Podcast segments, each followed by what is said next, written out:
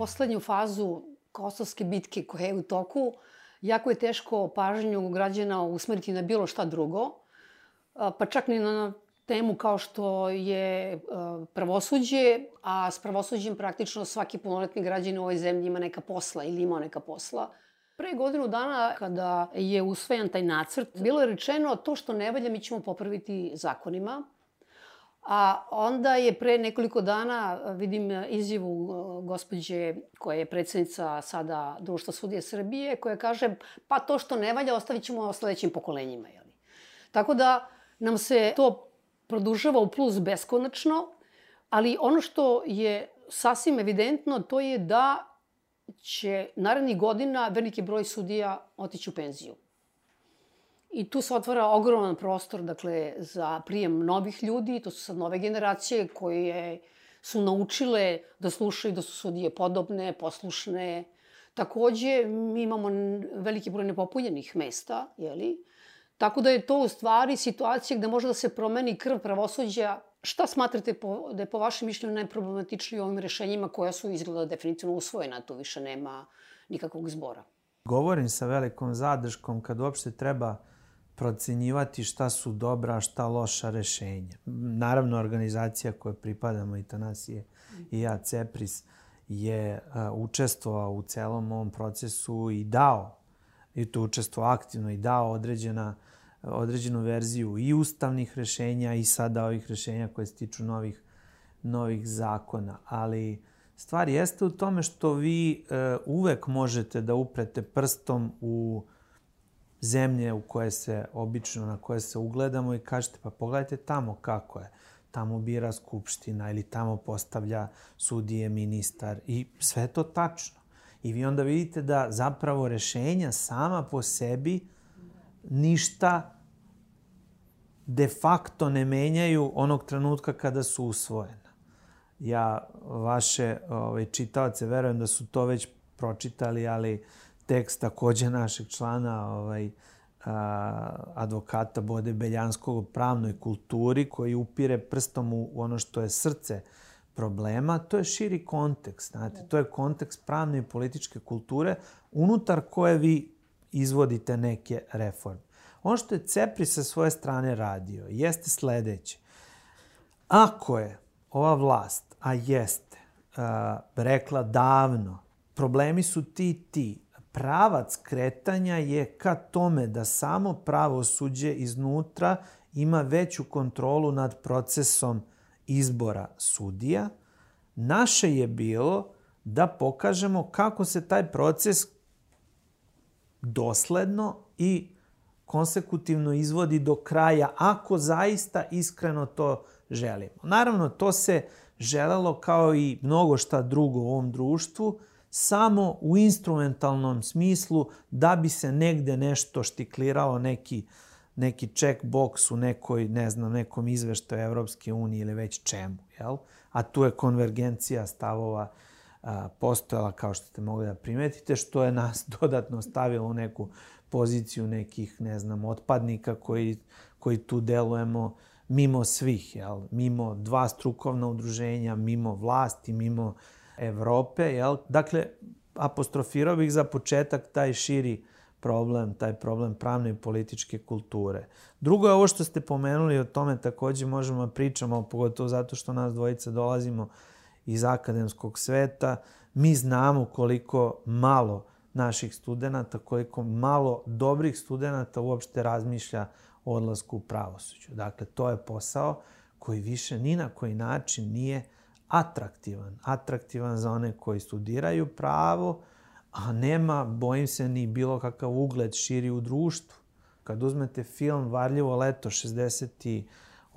vi vidite Batu Stojkovića koji igra lokalnog predsednika suda i postoji tačka preko koje on ne ide. To je da neće da priča o visoko političkim stvarima, jel tamo na plaži kad ga presretnu, ali u svim drugim elementima vidite da je on ugledan član i zapravo neko čije, do, do čijeg je mišljenja maloj zajednici stalo. Toga više nema. Takvog predsednika suda u nekom malom mestu nema. Iako je on prilično karikaturalno predstavljen u mnogim aspektima. Ali u ovom aspektu ugleda koji uživa u nekoj lokalnoj zajednici nije.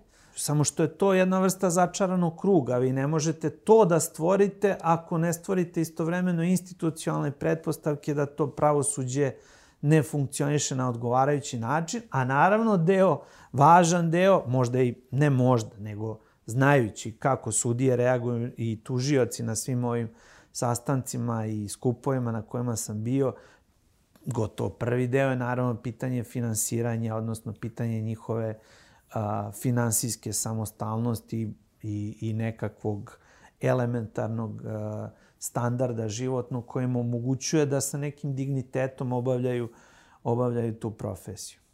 Da se vratim samo na kratko, jer mislim da je jako ilustrativno način kojim bismo mi došli do toga da, da u Skupštinu sada uđu tako krucijalno važni zakoni, jer je to karikiranje procedure već dobilo neke cinične razmere, što u ostalom nije krila ni, ni sama ministarka pravde. Jeli?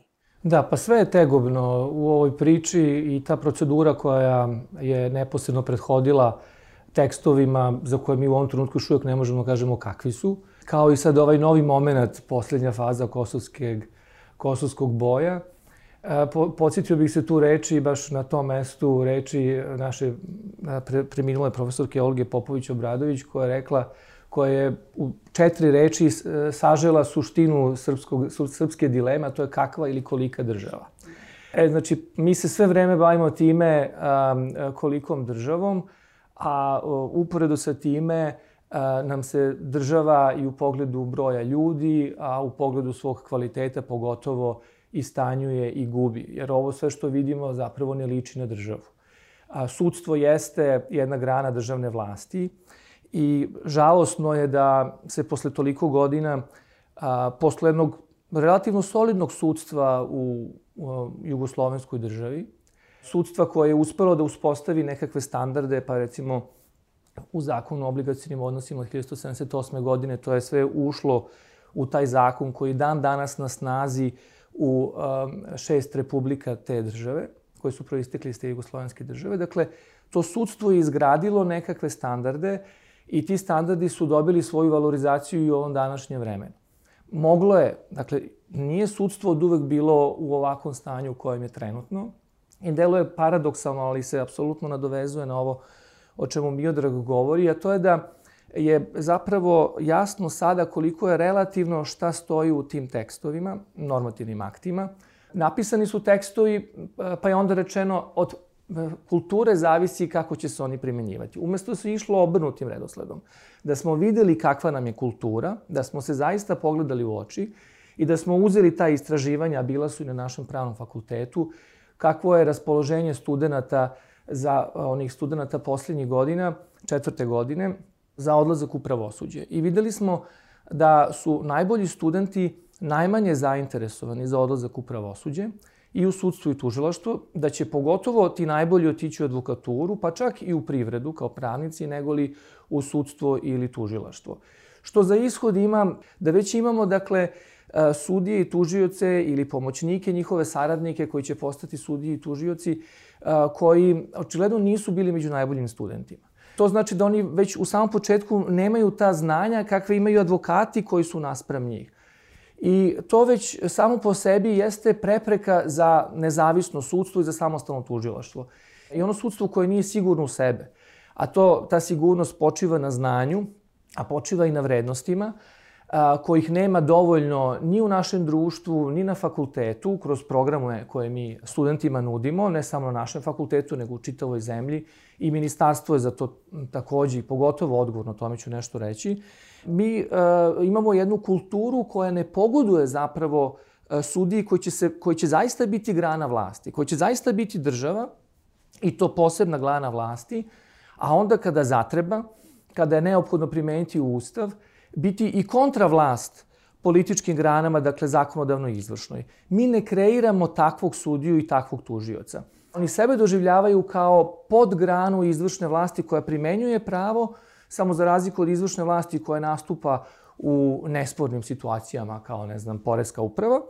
Oni rešavaju sporove.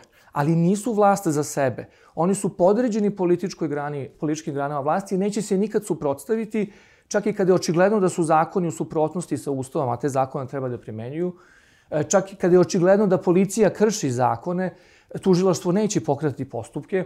Dakle, kad, kad govorimo o ovoj proceduri, očigledno je da mi nismo imali zaista interes da poboljšamo kvalitet države u kojoj živimo, kvalitet sudstva. Lepo ste rekli, rečeno je u samo toj konačnici donošenja amandmana, dobro, sa šta sad ne valja, popravit ćemo u, u zakonima. Godinu dana je prošlo, to je ogroman period, da se želelo, a upravo s obzirom na ovaj podatak koji govori, da 60% u narednih 10 godina 6% sudija odlazi u penziju. To je prilika koja se mogla iskoristiti. Da mi zaista poboljšamo naše pravosuđe u, u tom narednom periodu. A može se iskoristiti da se ono dodatno uruši. Ja mislim da svi su pokazatelji da mi idemo u tom drugom smeru, da se ono uruši. Već kad pogledate sastav komisija radnih grupa koje su radile na, na ovim aktima, na radnim verzijama, potom nacrtima, vi vidite da tu nema ljudi koji se po svojoj profesiji i vokaciji bave sudstvom kao granom vlasti i njenom nezavisnošću ili samostalnošću tužilaštva. I nema ljudi koji se bave evropskim integracijama. A to su bile dva stuba ustavne reforme. Da sudstvo postane nezavisno, da tužilaštvo postane stvarno samostalno i da se približimo u našim integracijama Evropskoj uniji. Evropski sistem, pravosudni sistem je neuporedivo kompleksniji od sistema koji postoji pod okriljem Evropskog suda za ljudska prava u Strasburu, takozvanog Evropskog sistema ljudskih prava. I još je neuporedivo kompleksiju od našeg pojedinačnog individualnog pravnog sistema kakav postoji u Srbiji. Mi se ni, nismo prilagodili ni ovom strasburškom sistemu. 2004. smo ušli u, Evrops, u Savet Evrope i obavezali se da ćemo poštovati Evropsku konvenciju za zaštitu ljudskih prava – A gle čuda, do dana današnjeg nismo promenili taj akt o pravosudnom ispetu, da uvedemo evropsko pravo ljudskih prava kao obavezan predmet. I onda se čudimo što sudije i tužioci ne znaju Evropsku konvenciju. Konsekutivno, ni pravni fakulteti u Srbiji nisu prilagodili svoje kurikulume da uvedu Evropsko pravo ljudskih prava kao obavezan predmet i da kroz taj predmet sudije nauče i šta je dobar sudijski rezon, jer to je jedno jedno bogatstvo presuda u najrazličitijem broju predmeta, koji pokriva 47, sad 46, jer Rusija više nije članica Sajta Evrope, država, dakle ima raznoraznih iskustava. I da istovremeno u toj fazi, kad su studenti, interiorizuju vrednosti koje su u toj konvenciji. Dakle, nije samo sad stvar tehnike, dobre primene, konkretizacije normi, reč i o vrednostnim pitanjima. Reč je o, o, o vladavni prava, demokratiji, ljudskim pravima. Sve se to interiorizuje i najbolje se socijalizuju studenti, dakle ti buduće sudije i tužioci, advokati, onda kad su studenti. Dakle, to je trenutak, mi to ne činimo. Evo, moglo se sada pristupiti sveobuhvatnoj reformi. Ustavni sud takođe mora da se reformiše, zakon o Ustavnom sudu mora da se menja u skladu sa ovim potrebama o kojima govorimo. Ništa od toga nije učinjeno. E, zaista su minimalni pomaci um, napravljeni, a toliko vreme je utrošeno, tolika energija je utrošena. I samo da završim, apropo te procedure, koliko je neiskreno sve ovo u šta uh, smo ušli, pokazuje činjenica da na tim javnim raspravama uh, koje su se održavale po sedištima apelacija od recimo sredine decembra do sredine januara, nije pozivana stručna javnost. A kad je bila, ajde da kažemo, javna rasprava da je stručnoj javnosti omogućeno da učestvuje, ja sam konkretno bio na njoj 10. januara, obe ministarke i obi pres, oba predstavnika evropskih organizacija su se povukli nakon svojih uvodnih izlaganja. Ostali smo mi stručna javnost i nekoliko članova a, ministarstva, a, da bi na kraju te rasprave bila samo jedna članica radne grupe i jedan predstavnik ministarstva. Pa kakva je to radna, javna rasprava gde vi nemate drugu stranu da vas čuje, da odgovori, jer radna rasprava podrazumeva dijalog, a ne monolog. Konačno šta je učinilo tu javnu raspravu još fiktivnijom? Ministarka je umeđu vremenu, ali zapravo i pre nego što je počela ta javna rasprava, odustala od određenih rešenja, to vidimo iz mišljenja Venecijanske komisije, jer ona uputila pismo Venecijanskoj komisiji i rekla da pristaje na neke njihove primetbe. Nas nije obavestila o tome, stručna javnost nije obavestila i pustila je da se javna rasprava vodi o temama koje više nisu bile relevantne za nju. Dakle, igrajte se vi, a ja idem svojim putem.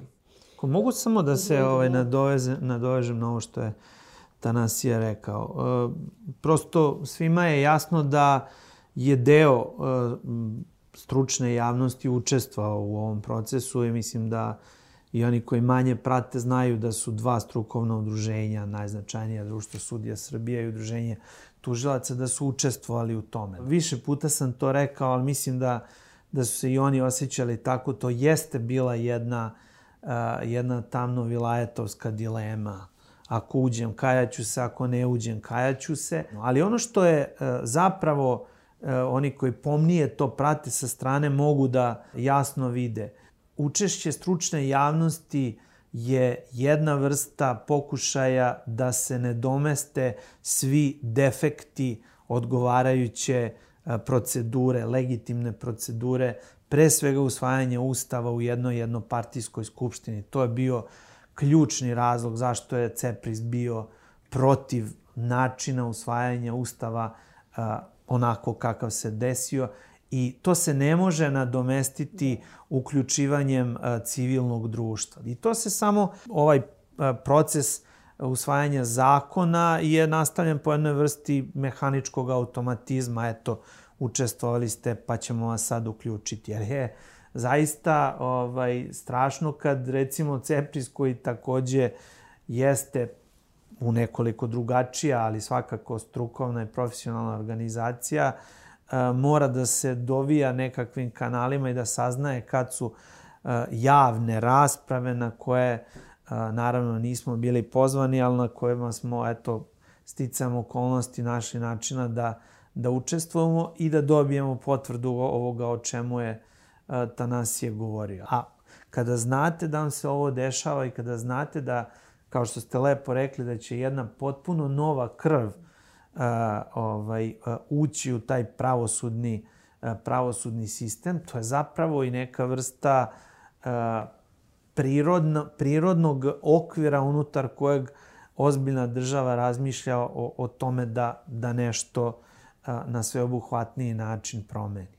Da, ali tu stvari nam ne treba revolucije. To bi moglo da bude 6. oktobar, ali bez revolucije. Ovo, Ovo je bila situacija. Ovo je baš jedna prirodna, da kažem, zgodna situacija. Mm da bez velikih lomova, upravo to, bez nekakve nekog, lustracije, lustracije zvan, da, da. nekakvog pravnog savladavanja te autoritarne Ili onih nakaradnih pravosudnih reformi, reformi onog koje, tipa. Zapravo uopšte nisu doveli od toga da, da sudstvo po, i tužilaštvo postanu kvalitetniji i bolji, da se ono eliminiše onih svojih segmenata koji su ih obrukali u Miloševićevom periodu. Ali ovo, apropo, da se ja nadovežem na Miodraga, Prvo, amandmani su usvojeni u jednopartijskoj skupštini i to je jako loš uh, presedan koji smo učinili. Nažalost, političke stranke nisu uključene u ovaj proces. Um, ovo jeste stručno pitanje, ali je par excellence i političko pitanje. Sve ovo političko pitanje jer je pitanje... Nisu se do duše ni otimale. Ovaj, nisu se ni otimale, ne, ne, nisu se ni otimale. Njihova je da. odgovornost, dakle, apsolutno je i njihova odgovornost I tako je došlo, kao što kažem, jednog do uključivanja ovih stručnih udruženja u rad jav, tih uh, radnih tela, ne bi li se uh, legitimisala ta radna tela. Međutim, to uh, samo po sebi ne oduzima pravo javnosti da kontroliše, kritički se odnosi prema radu tih, tih radnih tela. Strukovne udruženja su kroz ta radna tela ušle u strukture države smislu javne rasprave da oni koji nisu učestvovali u tom procesu dobiju mogućnost da, da, se, da se čuju i da ta radna grupa uvaži to što uh, jel te javnost ima da kaže. Ali ovde je jasno da tog fundamentalnog dijaloga nema. Ja zaista slabo ovaj, pratim uh, ovaj, televiziju, dnevnike, ali sticam okolnosti mi je bio upaljen juče na, na treći dnevnik eh, RTS i onda je izvišao obsežan prilog o, ovoj raspravi o, o zakonu o policiji. Vidim da je to, to su sad ti, uh, vi na, na jednoj strani učutkujete opoziciju u Skupštini, silom prije, da doživljavate i kao strano telo, trudite se na sve načine, znajući da su eto dobili to neko majušno parče vremena na nacionalnoj frekvenciji, da ih neko tamo vidi prvi put i čuje, dakle to se trudite, onda stalno pokušavate na domestite eto tim di dijalogom sa civilnim društvom, jer su to u prilogu su išli predstavnici, ne znam, Beogradskog centra za, za ljudska prava i ne znam, drugih organizacija koje su, koje su stavljale primetbe na taj zakon o policiji i to je ta očigledno neka nova vrsta jel, modus operandija, da, da pokušavate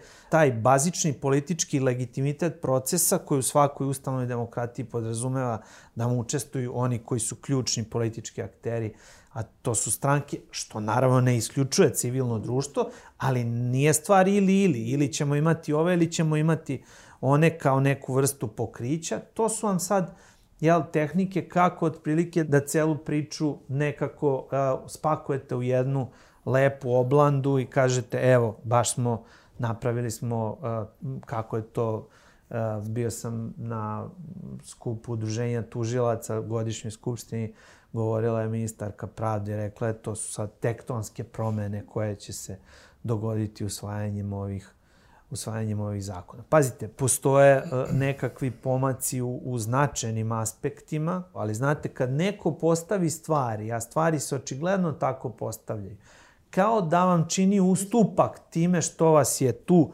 pripustio da sedite i da nešto predložite i da on još nešto to vaše i usvoji, pa kad vi kažete još nešto, on kaže, pa čekaj, nemojte, pa nemoj, nemojmo preterivati, ipak postoje neke granice, jel, dokle ćemo mi tu da idemo. Hoćemo da našminkamo to na način da to može da prođe, da nam nešto dan tamo Venecijanska komisija kaže dobro je, da nam kaže Evropska unija dobro je, a sutra ćemo jednako, ne znam, pljuvati u, u skupštini sudiju ovoga ili onoga, ili ćemo tužioce razlačiti ovaj, po na žutoj štampi ako se drznu da, da ovaj, postupaju na način koji nam ne odgovara i tako dalje i tako dalje. Oni su uspeli da reše kvadraturu kruga. To je da prema Venecijanskoj komisiji, odnosno Evropi, koja njima ih jedino ih zanima, ovaj, to su partneri njihovi za razgovor ili za popuštanje i tako dalje, a sve unutra što postoji što nisu oni, to nema nikakav veliki značaj. Dakle, s jedne strane, tako da dobiju neke, ajde kako oni kažu, pozitivne ocene, a s druge strane, da se suštinski ništa ne promeni. Tako da mi, koliko sam ja shvatila, umesto nekih rešenja i nekih ljudi koji su, ne znam, sedeli u Visokom savjetu sudstva, sad imamo kaskadere. Pa sad se to ne zove ministar, recimo pravde, nego se zove, može da se zove istaknuti pravnik recimo. Zaista je najvažnije zapravo kakvi su ti ljudi koji ulaze, ti mladi ljudi koji ulaze u sudstvo i tužilaštvo i, um, i kakva je procedura i koji su kriterijumi i sa kakvim fondom znanja oni dolaze. Kad je reč o toj proceduri, uh, upravo to, uh, uvedena je kategorija istaknutih pravnika, sada za izbor članova Viskog savjeta sudstva i Viskog savjeta tužilaštva. Mi smo imali već tu kategoriju istaknutih pravnika, e, imamo je e, za izbor sudija Ustavnog suda.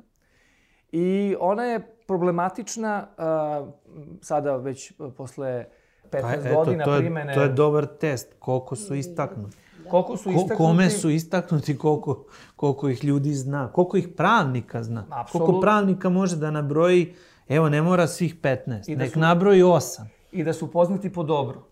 Pa, evo neka su poznati. Evo, evo neka su poznati. Da su poznati. Evo ja sam smanjio kriterij. Da. Sma, da, dakle, imali smo upravo tu situaciju e, da smo imali e, sudije Ustavnog suda koji nisu ispunjavali uslove da budu sudije osnovnog suda. A na poziciji sudija Ustavnog suda ocenjuju ustavnost odluka apelacionih sudova i Vrhovnog suda u postupku pustanju žalbama. Primer radi. Dakle, imamo takav odnos prema toj kategoriji istaknutih pravnika.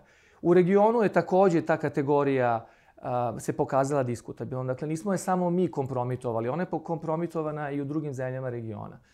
To je od samog početka bio loš, loš znak. A, dakle, amandmani su predvideli da postoje četiri istaknuta pravnika kao članovi Visokog saveta sudstva. Ja sam lično smatrao da je trebalo uh, zadržati jednu vrstu meritokratskog pluralizma, kad je reč o istaknutim pravnicima i da je trebalo omogućiti nastaviti dakle, sa onim što smo i do, do sada imali, da kolegijum dekana pravnih fakulteta u Srbiji o, određuju jednog člana Visokog savjeta sudstva, da to čini advokatska komora i da tužilaštvo takođe, recimo Visoki savet e, tužilaštva određuje jednog člana Visokog saveta sudstva. Činilo mi se da su to bolje garantije nego da prepustimo Skupštini da ona slobodno bira i odlučuje, jer je očigledno da će se to činiti po političkim um, merilima. Takva je bila ta jednopatijska skupština. Vidimo da se ona po svom maniru nije mnogo promenila ni u ovom a, nešto um, šarenijem sastavu u kojem se sada nalazi. Ovako kako je sada ostalo, da Skupština bira i da se predviđa da ukoliko Skupština dvotrećinskom većinom ne izabere istaknute pravnike, da se prepušta jednom telu a, tako a, ad hoc formiranom od pet članova, a kada znamo da je u tom telu predsjednik Narodne skupštine, da je tu a, predsjednik a, vr, a, Vrhovnog suda, da je tu vrhovni javni tužilac, da je tu zaštitnik građana i predsjednik Ustavnog suda, mi vidimo da su tu e, u tom telu članovi koji su u sukubu interesa.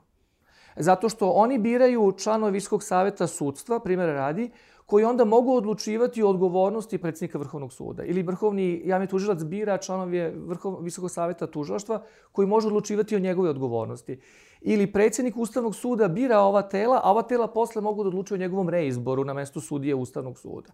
Dakle, u samom začetku su postavljena rešenja tako da je reč o osobama koje su u sukubu interesa. Dakle, ovo kako je predviđeno da ko predlaže te kandidate za članstvo u tim telima, E, vidimo da iz e, tog, e, te formule uopšte nisu isključeni politički uticaji. Dakle, jasno je da se ovakva skupština neće dogovoriti, da. jer fundamentalno, ponavljam ovde, nema želje za dijalogom. I onda čak i kako bi u ovoj situaciji zamislimo, sad hipotetički, da iskreno ta većina pruži ruku opoziciji, opozicija će se naći u situaciji da sad legitimiše tu većinu koja je do sada gazila i ponižavala. Dakle, ja mogu da pretpostavim da čak i ukoliko većina se složi da sa opozicijom treba da se postigne ta dvotrećinska većina, da opozicija nema interes da učestvuje u toj igri.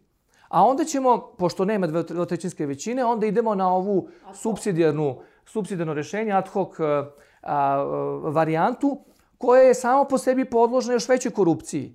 Jer umesto 250 narodnih poslanika odlučuje pet mi znamo koliko je jednostavno okrenuti telefon ovog ili onog da bi se isposlovalo da neko ko je podoban, politički interesantan, postane član tog Da, ali potpuno je, pazite, potpuno je čovjeku koji ne zna ništa o pravu, ne mora ništa da zna o, o svim ovim ustavnim mehanizmima. Ovo je samo na nivou brojki absurd. S jedne strane tražite da se složi skupština uh, na nivou većine koja je potrebna za izglasavanje ustava i promenu ustava. Znači nešto gde tražite najviši mogući konsenzus različitih. Evo, sve i da zamislimo da nam je društvo uređeno. Jel? To je ogromna većina koja se zahteva. S druge strane, ako to ne može, onda idemo, idemo na, pet. na pet ljudi koji će se, koji su naravno iz potpuno, ovaj, kako kažem, iz drugog a, ambijenta, odnosno nemaju ni ovu vrstu demokratske legitimacije. U normalnim okolnostima, u normalnom društvu staviti takvo rešenje, istaknuti pravnici, podrazumela da imate jedno e, stabilno društvo koje se neće sporiti oko toga ko uživa taj ugled istaknutog pravnika. I neće nekom padati na pamet da uzme i izvuče nekoga koji ima, ne znam, 30 godina, I ne može po definiciji da bude ugledni pravnik. A obaš kao što to niko, znate, nije se ni trudio da nas uh, uputi u to šta su kriterijumi, znate, za istaknutog pravnika. Koliko sam razumela, dodatni je problem što oni mogu praktično da blokiraju rad. Je tako da imaju na neki način zlatnu akciju? Mogli bi da imaju. Pa da, prosto kroz taj kvorum koji se traži za odlučivanje i uh, kroz uh, većinu koja se traži, ali uh, kako bih rekao, to je od, od samog početka je problematično, jel te? Ako vi ne predvidite mehanizme, jel te, upravo to, mehanizme da dođemo zaista do istegnutih pravnika, onda se to može izvitoperiti. Mislim, i sudije, da se razumemo, i sudije da, koje su izabrane uh, u, tim, uh, u tim telima, E, takođe e, mogu da iznevere svoju misiju. Mogle su, dakle, mere da se predvide da dođemo, da pokušamo da dođemo do boljih ljudi. Um, ali smo uh, se mi opredelili za rešenja koja dopuštaju manipulaciju i tako ćemo možda imati kao u Makedoniji da se uh, stručni saradnik bira kao istaknuti pravnik u Visoki savet sudstva u Makedoniji. Da I da je predsednik. I da bude čak predsednik tog tela. Da odlučuje... Već u drugom o, mandatu. Da odlučuje o sudijama. Znači, saradnik odlučuje o sudijama. To, to, tako se može izvrgnuti ta, ta ideja o istaknutim pravnicima. Profesor Jovanoviću, vidim da je to čak i venecijanska komisija koja je bila dosta benevolentna, makar mi je tako utisak, ali to sad više nije tema, koja je rekla da do sadašnje prakse pokazala da se preko predsednika sudova vrši uticaj na sudstvo, izvršna vlast, a da su sadašnjim rešenjima zapravo njima brisani ti mandati i onda se resetuje i sad oni mogu ponovo. Jel? To meni, meni liči na nagradu za lojalnost. Pa jeste, a, i to, to vam je takođe jedno uh, nešto što smo nekako nasledili u ovom uh, celom procesu tranzicije. Više puta je na različitim mestima bila ta priča kad usvojimo novi ustav, pa sad resetujemo, e onda puj pike ne važe stari mandati i tako dalje. Nije samo tamo, evo mi smo imali to i kad se recimo menjao zakon o univerzitetu, pa smo menjali recimo mandat dekana, pa je onda kao eto, zato što se sad produžio mandat dekana, onda se više kao ne važe ovi prethodni mandati. Dakle, sve su to vrlo problematični ovaj, mehanizmi iz perspektive onoga što je generalno nasleđeno institucionalno rešenje koje kaže ne više od dva puta u, u, kad pričamo o ovim najznačajnijim funkcijama, zaista uh, sa puno osnova i s puno razloga, nam istorija pokazuje da prosto svako uh, dalje ostajanje na nekom mestu uzurpira to mesto. Drugo, Pazite, mesto predsednika suda, jednako kao što i mesto dekana fakulteta ili, ne znam, direktora škole. Za to, to ljudi, ljudi bi trebalo to nekako uh, silom prilika da obavljaju, jer, jer je stvar upravljanja, jel? Vi, tu se pretvarate i sudije u zapravo sudsku upravu, ali ovaj očigledno čim se stvari na taj način lome oko rešenja, vi vidite da su to neki lokusi moći yes. koji zapravo služe za disciplinovanje sudija, jel? I onda postaje jako bitno ko će biti predsednik suda. Znate, u državi u kojoj se vladajuća partija ne prepušta mesne zajednice, jasno je da neće prepustiti ni mesta predsednika sudova. Jer tako doživljava svako svako upravljačko mesto kao mesto na koje će izvršiti direktan i neposredni uticaj da bi disciplinovala to radno okruženje, a to radno okruženje ovde okruženje u kojem se odlučuje o našim pravima i obavezama nas, nas kao građana. Većina nas amaterili građana kad kaže ima netrpeljiv odnos, sumnjičav odnos prema, prema pravosuđu, ono misli na sudije. Tužioci su tu nekako često izuzeti, A to je ta ključna stvar, ko dodeljuje predmete. Jer to je ona mač koji možda upotrebiš na ovo ili ono sranu, odnosno i štap i šargarepa. Da li se to u ovim, a, ova dva zakona, ali tako, nešto tu promenilo ili će još uvek te Zagorke Dolovac razne a, gospodariti radnom biografijom svakog tužioca po osobi, jeli? Tužilaštvo jeste organ koji je svugde a, organizovan na jedan hirarhijski način. E sad, Ljudi vole hijerarhiju, jer hijerarhija podrazumeva ustrojenost koja omogućava efikasnost, ali efikasnost ne po svaku cenu, odnosno efikasnost koja sa sobom nosi i određene vrednosti. E, te vrednosti jesu ugrađene u e, sve javno-tužilačke zakone. Jasno je čemu služi tužilaštvo, jasno je koji je cilj, jel? gonjenje uh, učinilaca krivičnih dela. Dakle, jasna je pozitivna vrednost koju ta hirarhija treba da služi.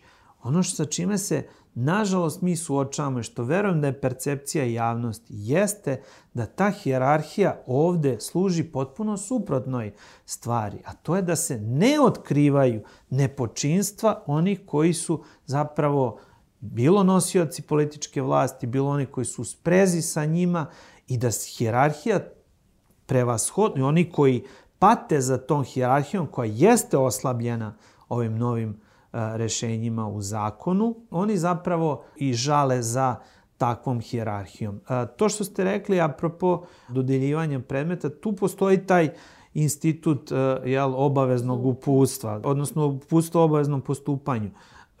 Meni se čini da je ovde pitanje hirarhije problematizovano upravo sa namerom da se obave, da se upućuju uputstva obaveznom nepostupanju jel, u takvim osetljivim predmetima jel, koji mogu da naškode nekome, bilo politički, bilo u smislu pravne odgovornosti, odgovornosti tih lica.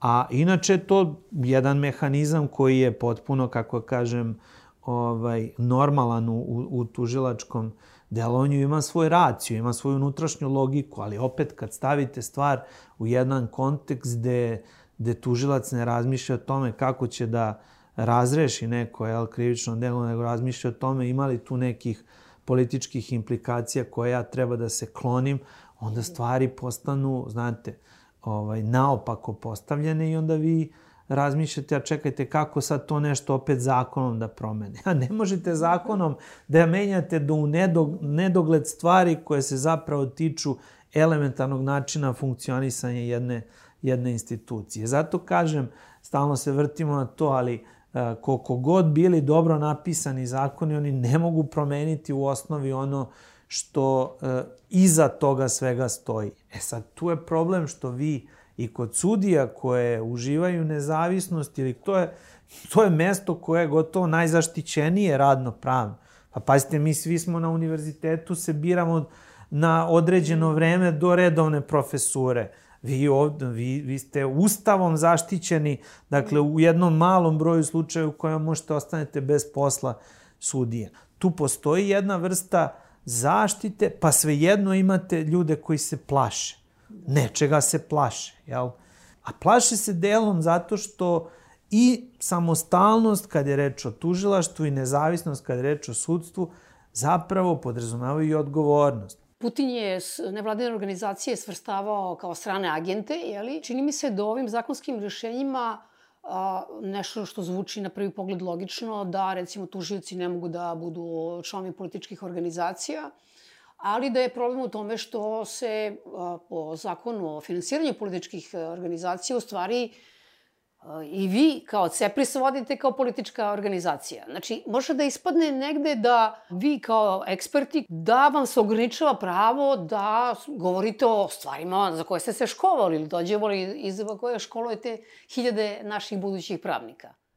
Da, ima u, u ovim normativnim aktima ima rešenja koja zapravo su vrlo sporno sa stanovišta slobode izražavanja. Kad je reč o kritikovanju sudskih e, odluka ili postupanju tužilaštva, ali i iz ugla slobode sudija ili tužilaca da govore javno. Dakle, tu imamo dve strane. Jedno je u kojoj meri javnost treba da bude slobodna da kritikuje i da prispituje te akte, pogotovo kad je reč o živim predmetima.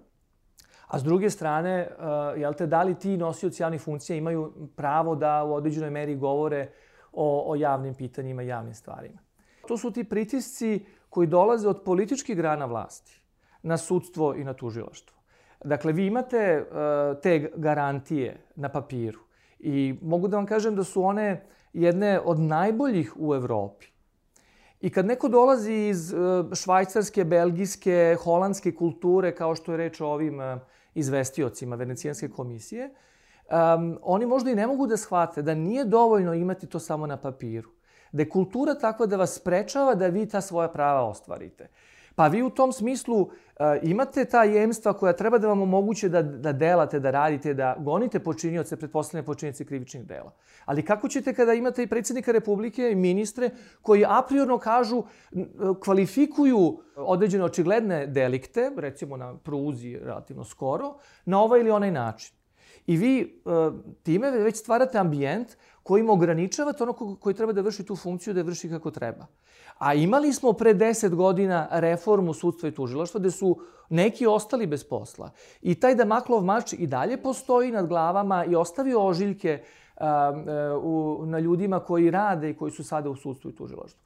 Dakle, ja mislim da su ovo o čemu vi sad govorite ozbiljni problemi u ovim aktima. Na izvestan način je Venecijanska komisija apostrofirala, recimo, nedostatak tih rešenja kojima se ograničava sloboda izražavanja Mi smo uh, već u Ustavu sada promenili prvobi, o amandmanima smo promenili prvobitnu ustavnu normu koja, koja je govorila da je svaki uticaj na sudije i tužioce nedozvoljen, uh, tako što smo uneli da je, da je svaki neprimereni uticaj. Um, a ako znamo uh, da je najveći uticaj zapravo dolazi od političkih grana vlasti, onda ispada da je u onome što su one radile bilo nečeg i primerenog. Ta rešenja već u amadmanima, pa onda sada u, u zakonima, ne pogoduju da mi zaista stvorimo stručno sudstvo i tužilaštvo. Da se razumemo, to su vlasti. To su vlasti. Taj može da vas, jel te, odvede u zatvor. U tom smislu, njihovi postupci moraju da budu predmet ocene stručne javnosti i e, novinarske i akademske, ali kažem stručne javnosti. Dakle, ta kritika mora biti konstruktivna. Dakle, mi, mi moramo da imamo tu mogućnost da saopštimo e, šta mislimo da ne valja i u tim postupcima koji, se, koji su u toku, da bismo kroz svoj kritički uvid omogućili tom tužiocu i tom sudiji da što bolje rešete svoje predmete. I tu nema ničeg spornog sa stanovišta a, slobode izražavanja, tu nema prekoračenja slobode izražavanja, u smislu zaštite autoriteta i nezavisnosti sudstva, kao što to recimo Evropska konvencija propisuje. I sudstvo i tužilaštvo su zapravo istorijski nastale, proistekle su iz monarhijske vlasti. One su nastale iz izvršne vlasti. Sudstvo se ranije odvojilo kao posebna grana vlasti, a tužilaštvo i dan danas zapravo u najvećem broju evropskih država pod nekom vrstom političke uh, kontrole Ministarstva pravde ili predsjednika Republike. Samo što je ta politička kontrola više uh, ostala na simboličkom nivou i manifestuje se kroz ispitivanje odgovornosti sada tog ministra pravde sa stanovišta stope kriminaliteta i sa stanovišta efektivnog gonjenja krivičnih dela. Dakle, u razvijenim evropskim državama prvo tužilaštvo je mnogo više prisutno u javnosti nego kod nas. A, upravo to, vidi se kako dela. I podvrgnuto je ocenama javnosti. Oni organizuju konferencije za štampu u kojem izveštavaju o tome dokle su stigli sa određenim istragama. Želi se da se javnost obavesti kako bi se ta stručna uloga obavljala što je moguće bolje. Međutim, sudije su vlast i one kao vlast moraju da imaju i odnos prema političkim granama vlasti. Sada je tako formulisana ta zakonska odredba, ako ona ostane, ako se ne bude promenila, da je svaki javni nastup sudije kojim se kritički odnosi prema političkim granama vlasti može da se oceni kao um, nedopušten i kao neka vrsta sukoba, kao neka vrsta sukoba interesa ili neka, neka vrsta inkompatibiliteta. Zapravo zabranjuje se, izričito se zabranjuje političko delovanje. A tako je formulisano da svaki javni nastup možete. Pri čemu mi sudije vidimo učestvuju u radnim grupama. Pa šta je to nego političko delovanje? Ako vi kroz radne grupe predlažete akte zakona, vi zapravo kritikujete, ukazujete nedostatke postojećih zakona. I ne samo to, vi iznosite kako bi trebalo ti uh, zakoni da izgledaju. Dakle, to je par excellence političko delovanje u najboljem smislu reči. Sporno bi bilo stranačko delovanje, a ne političko delovanje u onom izvornom, najširem e, staranju o polisu, jer je sudska funkcija takođe političko delovanje. Kode, etički kodeks sudija zapravo nalaže kao dužnost da sudija uh, učestvuje u svim javnim uh, uh, debatama i pitanjima koje su od interesa za, za odbranu jel, sudstva kao grane vlasti. Da parafraziram, ali suštinski tamo mu nameće jednu vrstu etičke obaveze takvog javnog delovanja koji će proizvesti opet poverenje javnosti u rad sudstva, a to jeste političko delovanje, ne može biti ništa drugo. Ili recimo čak i obaveza sudije da zastane sa postupkom kada treba primeni zakon za koji on procenjuje da su u protnosti sa Ustavom, da ga uputi Ustavnom sudu na odlučivanje. To je takođe jedno političko delovanje, što zato što, naravno, što se naravno nikada ne dešava. Ali ja samo skrećem pažnju na to da ne isključuje mogućnost da sutra neko uh, iz izvršne ili zakonodavne vlasti, zapravo bismo to već videli do sada u da se pogotovo jedan sudija ili više sudija, dakle imali smo i predsjednika koji govori o čitavom sudstvu da je korumpirano, a, govorimo o tome, govori o tome da su sudije u živom predmetu plaćene, mislim, ako, ako su korumpirane, iz čega proističe, ako su a, jel te, zlopotrebile svoj položaj, dajte da se pokrenu postupci protiv. Ali evo, upravo se to dešava, da država, pravna država, mehanizmi koji stoje na raspolaganju, se ne primenjuju zato što se je lepše, ugodnije da na taj način, na taj način postupate. Tako što ulivate strah kroz te svoje javne nastupe u ljude koji obavljaju te javne funkcije. Dakle, ja ne isključujem mogućnost da neko sada u narednom periodu iskoristi tu normu koja je tako formulisana u zakonu da dopusta jedno šire tumačenje i da počne da goni one sudije koje zapravo se legitimno služe svojom slobodom izražavanja. Ja verujem da u e, dobrom delu rešenja i e, sudskih i tužilačkih zakona postoje značajni pomaci. E, ono što je sve vreme naša osnovna kritika jeste da se u celu reformu ide na jedan neiskren ili u najboljem slučaju taj instrumentalan način, ne zarad istinskog poboljšanja stvari, nego da bi se nešto drugo tamo štikliralo i otkačilo. I naravno, ništa e, propisi sami po sebi e, ne mogu momentalno promeniti ove, e, ove pozadinske okolnosti. Na kraju krajeva, evo nismo pominjali tu epizodu, ali to je bila jedna od epizoda kojom smo mi završili zapravo godinu u kojoj parlament uh, jednako birao uh, sudije, birao predsednike sudova. Znate, vi uh, ste se u prethodnom koraku navodno razvlastili i onda to radite bukvalno pod velom ne znam, novogodišnjih i božićnih praznika, kad naravno niko o tome više ništa, ni mediji prate, ni tko ovaj, na to reaguje. I to nam samo pokazuje koliko se iskreno, autentično... To liči baš na podvolu, onako. Pa je, da, to. I onda i zato ostaje taj uh, gorak us, ukus, pogotovo s obzirom na ovaj moment koji smo pričali, da se menja krv pravosuđa, da je bio pravi moment da se u to uđe sa ozbiljnom promišljenošću, a dobijamo kao i uvek jednu vrstu polovičnih, polovičnih rešenja, ali evo, i ona takva kakva jesu, pružaju neki novi normativni okvir da sudovi i tužilaštva deluju otresitije, eto, taj ću termin upotrebiti.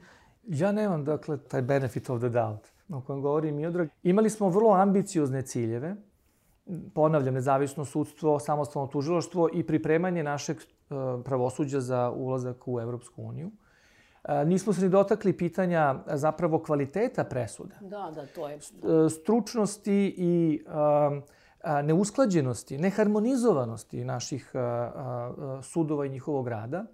To se sve vidi u praksi Evropskog suda za ljudska prava. Tako su ocenili rad naših sudija. Evo, rekao bih da je ovih godinu dana protraćeno protraćeno s obzirom na to šta je moglo da se postigne, a moglo je da se zađe dublje u, ne samo u ovih pet zakona koji su bili apostrofirani u Ustavnom zakonu za provođenje Ustava, a, mogla se reforma proširiti, nekakvih prepreka nije bilo da se, da se zađe i u druga pitanja koja bi se dotakla i a, našeg obra, obrazovanog a, sistema a, i koja bi onda omogućila da se u narednih pet godina, dakle vi već za pet godina, da ne govorim za deset godina, možete da imate jednog sudiju osnovnog suda koji bi dobio nešto modernizovan set znanja i u tom smislu bi bio osposobljeniji da stručno i dostojanstvenije obavlja, stručni i dostojanstvenije obavlja tu svoju funkciju. Dakle, ta prilika je propuštena. Mi smo sada ponovo iz ovih drugih razloga izašli iz fokusa, u tom pogledu iz fokusa međunarodnih organizacija i sada će se priča voditi o tome kolika je država, ne kakva je država. Hvala mnogo na razgovoru. Hvala. Hvala. Thank